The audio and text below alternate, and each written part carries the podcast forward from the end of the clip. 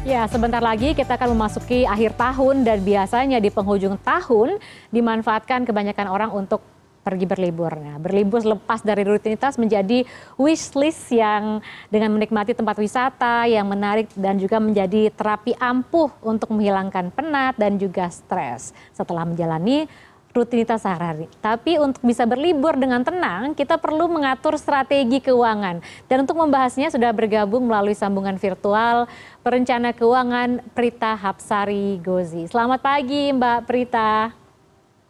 Selamat pagi Mbak Lia. Ya ini udah mau jelang akhir tahun ya. Kita lihat orang-orang sudah mulai posting-posting lagi liburan sama keluarga, sama teman-teman begitu ya. Kita juga pasti banyak yang kepengen juga. Bagaimana sih sebaiknya kita untuk persiapan mengatur keuangan supaya bisa juga ikut healing gitu di akhir tahun, Mbak?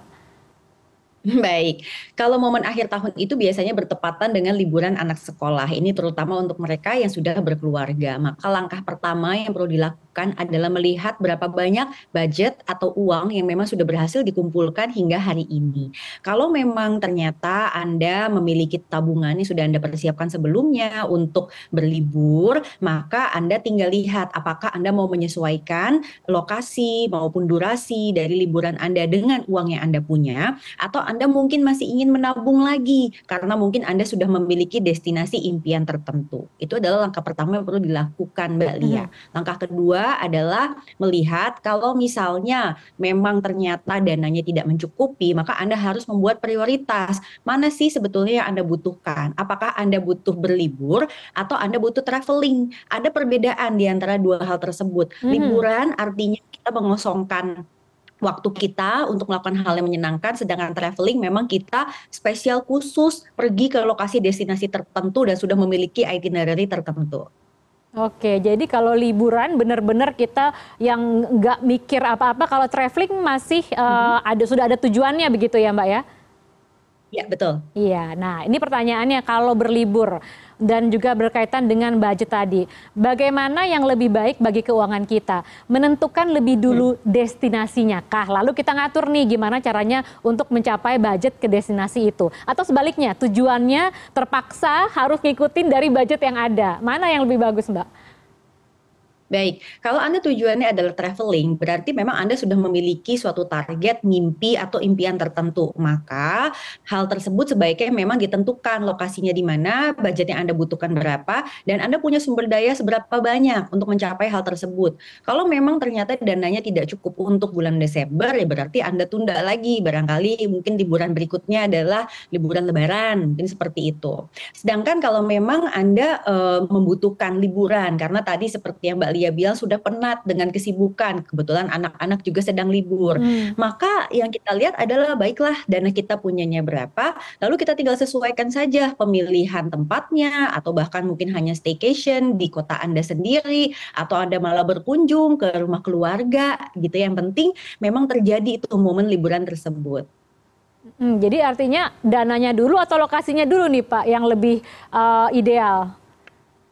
Nah itu dia, kalau memang Anda butuhnya adalah harus liburan, berarti dananya dulu. Dananya. Sedangkan kalau Anda butuhnya adalah traveling, berarti lokasinya dulu. So Anda harus tahu Anda maunya yang mana. Okay. Nah yang ingin saya tekankan adalah Mbak Lia, kita tidak berutang untuk liburan maupun traveling. Hmm. Kenapa? Karena liburan atau traveling itu sifatnya adalah pembelian experience atau pengalaman. Hmm. Dia tidak membeli aset yang sifatnya tuh berbentuk atau fisik. Sehingga kalau ternyata nanti kita memiliki um, tunggakan cicilan di kemudian hari itu kita sudah tidak tidak punya apa-apa lagi. Kalau kita membeli aset fisik, setidaknya aset fisiknya masih bisa dijual. Lah kalau udah liburan atau hmm. misalnya traveling kan yang mau dijual apa? Foto-foto kan nggak mungkin gitu ya. Sehingga pastikan Anda tidak menggunakan bayar tunda maupun cicilan untuk membeli eh, paket-paket uh, liburan tersebut.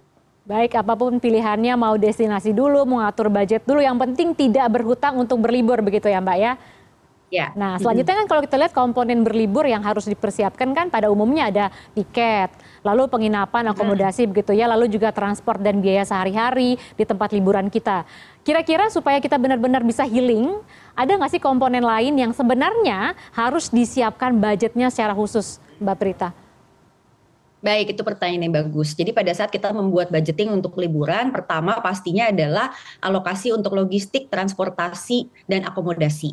Ini biasanya berbentuk ya tadi itu tiket, penginapan, makan, minum yang memang pasti-pasti akan keluar. Kemudian yang kedua adalah aktivitas selama di kota atau tempat yang mau kita lakukan. Hmm. Misalnya Anda mau pergi ke tempat bermain atau Anda mungkin ke suatu destinasi um, apa kayak peng, apa wisata tertentu yang hmm. harus ada tiketnya atau ke sananya harus ada apa ya istilahnya kayak pesan mobil, sewa dan lain-lain. Lalu yang ketiga adalah budget belanja karena kita tidak bisa pungkiri pasti kita akan belanja. Benar. Yang keempat hmm. adalah dana darurat. Kenapa? Karena selama trip tersebut ya segala hal bisa terjadi. Baik misalnya ada yang sakit atau misalnya tiba-tiba bagasinya entah ke mana gitu ya. Sehingga dengan adanya dana darurat dan proteksi asuransi perjalanan, maka perjalanan kita harapannya akan lebih mulus gitu kalau misalnya terjadi kondisi-kondisi yang tidak kita duga. Baik, Mbak Prita, kalau saya ada satu tambahan nih, kira-kira ketika tadi kita mau pergi healing itu uh, lebih bagus kita menyiapkan itinerary terlebih dahulu atau tidak? Ini berkaitan dengan budget ya? Ya, kalau kita mau memiliki budget yang pasti, maka sebaiknya memang ada itinerary. Kenapa? Manfaat itinerary yang pertama adalah kita bisa mengatur rutenya, sehingga rutenya akan lebih efisien. Kemudian yang kedua, kita bisa menghindari hal-hal yang sifatnya kecewa. Kenapa? Karena mungkin pada saat peak season atau musim liburan, itu tiket bisa aja sold out dan lain-lain. Maka kalau kita sudah merencanakan terlebih dahulu, bahkan membeli tiket terlebih dahulu, hal-hal seperti itu bisa dihindarkan. Dan yang terakhir, kita juga bisa tahu sebenarnya berapa banyak uang tunai dan berapa banyak uang yang mungkin kita taruh di uh, kartu ATM atau kartu debit yang perlu kita persiapkan apalagi kalau Anda perginya adalah trip ke luar negeri. Oke, tapi kan sekarang memang lagi banyak lagi, lagi pergi. Kadang-kadang suka tiba-tiba pengen ada muncul keinginan. Kalau sekarang belum punya rencana dan juga belum punya tabungan liburan secara khusus begitu ya, dan tetap merasa saya butuh nih healing. Ada nggak sih Mbak Prita hmm. pos simpanan kita yang bisa kita korbankan gitu demi liburan? Terus efeknya apa nih setelah pulang pulang liburan? Kita harus lakukan apa gitu kalau kita sudah mengorbankan pos itu? Oke, pertama yang kita lihat adalah penghasilan Anda setiap bulan datangnya dari mana saja. Sebetulnya dari penghasilan kita ini Mbak Lia, itu ada satu pos yang kita sebutnya pos playing. Pos playing hmm. ini sederhananya kita suka gunakan untuk kuliner, jajan, atau misalnya belanja. Nah itu sebetulnya yang boleh dipakai, mungkin sekarang masih ada November dan Desember ya, untuk kita nanti liburan. Lalu kalau ternyata itu nggak cukup, kita bisa ambil dari mana lagi? Nah kalau Anda selama ini sudah memiliki yang namanya sinking fund, sinking fund itu kayak dana mengendap aja. Jadi banyak nih orang suka menabung tapi nggak jelas tujuannya buat apa, ya silakan Anda boleh pakai, tetapi jangan dihabiskan semua saldonya. Jadi okay. sisakan paling nggak setengah dan pastikan Anda masih memiliki dana darurat kalau memang Anda mau mengambil dari porsi tersebut. Oke, dan juga pastikan tadi Anda tetap punya post playing yang bisa dikorbankan tadi ya. Jangan sampai tidak punya tabungan yeah. sama sekali begitu ya. Karena tadi Mbak Prita bilang kalau mau liburan tidak boleh berhutang. karena tidak bisa dijual iya, lagi. Betul. Tapi kalau misalnya berbicara soal liburan dan juga tabungan yang tadi, perlukah kita memanfaatkan berbagai produk jasa keuangan untuk mengumpulkan dananya untuk berlibur gitu, seperti misalnya membuat rekening tabungan khusus liburan atau deposito dan tabungan berjangka atau reksadana sebagai pelengkap tabungan liburan gitu, Mbak? Oh itu bagus sekali. Jadi hmm. kalau memang Anda sudah bisa untuk mempos-poskan rekening tersebut, Anda bisa memilih. Jadi Anda bisa memilih dari bentuknya tabungan berjangka. Tabungan berjangka ini bagusnya memaksa Anda untuk disiplin karena tiap bulan dia maksa kita untuk menyetor sejumlah tertentu. Hmm. Atau kalau Anda mau um, bisa, oke okay, kapan pun bisa setor-setor itu bisa pakai seperti reksadana pasar uang.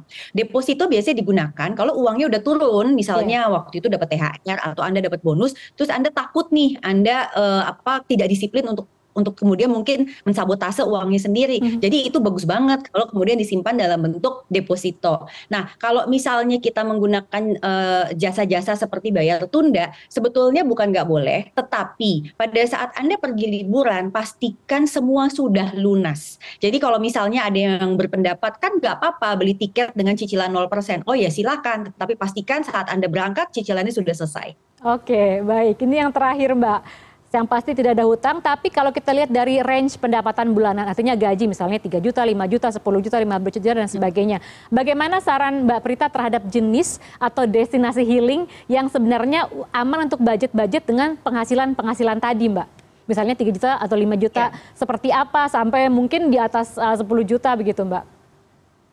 Baik, kita ambil aja misalnya seseorang berpenghasilan 10 juta rupiah setiap bulannya ya biar mudah. Maka sebetulnya dia punya alokasi setiap bulan adalah 2 juta rupiah yang ideal untuk digunakan untuk uh, pos-pos seperti liburan atau traveling. Nah, maka tergantung dia nih, dia berhasil menabung berapa bulan. Jadi 2 juta itu kalau dia berhasil nabung 6 bulan, ya berarti dia punya 12 juta. Silakan Anda pergi ke tempat yang harganya segitu. Atau kalau ternyata dia bisa berhasil menabung satu tahun, berarti dia sudah punya sekitar berapa itu? Sekitar 24 ya berarti ya. Hmm. Jadi kalau 2 juta kali 12 kan 24 juta gitu. Nah, itu yang sebetulnya membuat kita jadi semangat gitu loh untuk menabung. Nah, kalau misalnya Anda dapat bonus atau misalnya Anda dapat uh, komisi nih ya, silakan aja kalau mau diambil untuk liburan, biasanya maksimal sepertiga, Mbak hmm. untuk uh, porsi-porsi traveling karena banyak nih ya karyawan yang memang saya sarankan kalau mau pergi yang agak jauh seperti akhir tahun itu boleh Anda mengambil dari bonus Anda pastikan bonusnya sudah turun kemudian Anda ambil sepertiga boleh untuk liburan Baik, terima kasih Mbak Prita atas penjelasannya. Moga-moga ini bisa ya, karena masih ada beberapa waktu. Kalaupun tidak bisa tahun ini, mungkin bisa di akumulasikan dananya ke tahun depan jadi liburan lebih jauh lagi begitu ya. Yang penting tetap menabung dan tidak berutang saat berlibur. Terima kasih Mbak Prita Gozi atas bincang-bincangnya pagi hari ini di CNN Indonesia Bisnis dan Referensi. Terima kasih.